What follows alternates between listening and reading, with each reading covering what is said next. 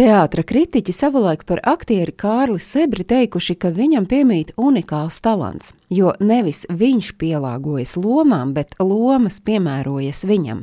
Vienlaikus aktieris bijis izcils realists ar smalku romantiķa dvēseli.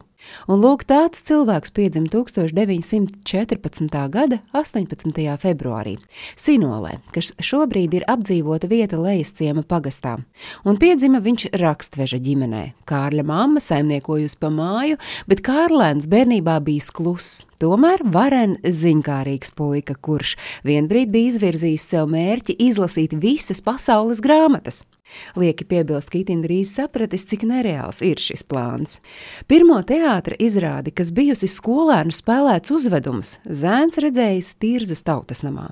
Un tas bijis viens no spilgtākajiem iespaidiem aktiera dzīvē. Viņš par šo piedzīvojumu Tirzas tautas namā savulaik teicis šādus vārdus: Tu sēdi tumsā un raugies gaismā, un tā gaisma ir skatuve. Diezgan likumsakarīgi, ka vecāku ieplānotās Kārļa studijas Latvijas Universitātes lauksaimniecības fakultātē nebija pārāk sekmīgas, jo vairāk par visu lauksaimniecības studentu interesējas teātris. Un kad vien viņš varējis gājis uz teātri, lai skatītos uz paša pieminēto maģisko skatuvi. Pametis lauksaimniecības studijas Kārlis Sebris atgriezies dzimtajā pusē un tur sācis aktīvi rosīties Tirzas tautas nama dramatiskajā kopā. Tur, saņemot uzslavu pēc uzslavas, nostiprinājusies pārliecība, ka jādodas uz Rīgu.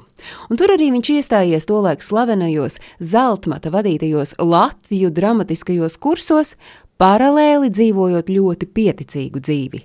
Otrajā studiju gadā Sebrim uzsmaidīja veiksme un viņu uzrunājas Nacionālais teātris. Par nokļūšanu teātrī klīst leģenda.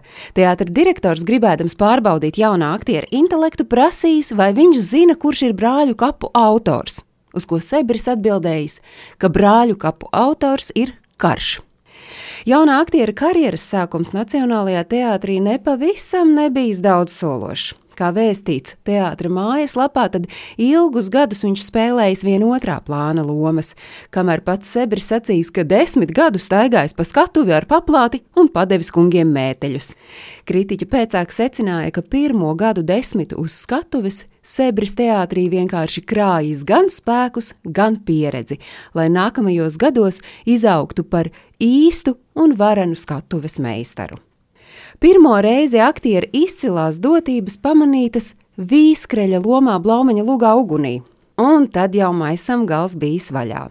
Savos 60 darba gados aktieris nospēlējis vairāk par 200 lomām gan teātrī, gan kino. Bet kas tad bija Kārļa Sebra veiksmes atslēga? Vispirms jau cilvēciskās rakstura īpašības - omulība, sirsnība, lieliskā humora izjūta, bet arī viņam miesās ražanais augums.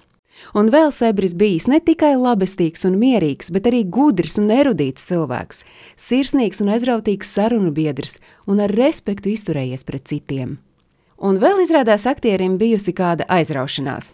Viņš pēc rakstura bija krājējs un kārtotājs, un mūža garumā apkopojis pielūdzēju vēstules, sev veltītus dzējoļus, izgriezumus no avīžu rakstiem, kur vēstīts par viņa lomām izrādēs un filmās. Viņš arī krājis savu lomu tekstus un pierakstījis dažādus citātus. Tos, starp citu, viņš mēdzis pierakstīt visdažādākajās vietās un klīst nostāsti, ka pat uz sievas Nellijas zeģbikšu iepakojuma. Un vēl kāda nianse. Kapa piemineklis, kas uzstādīts meža kapos, ir aktiera paša sarūpēts. Viņš sakrājis un pasūtījis savu kapa pieminekli tēlniekam Andrejam Jansonam. Mūžībā aktieris aizgāja 2009. gada 12. janvārī, tā arī nesagaidījis savu 95. dzimšanas dienu. Stāstīja Agnese Drunka.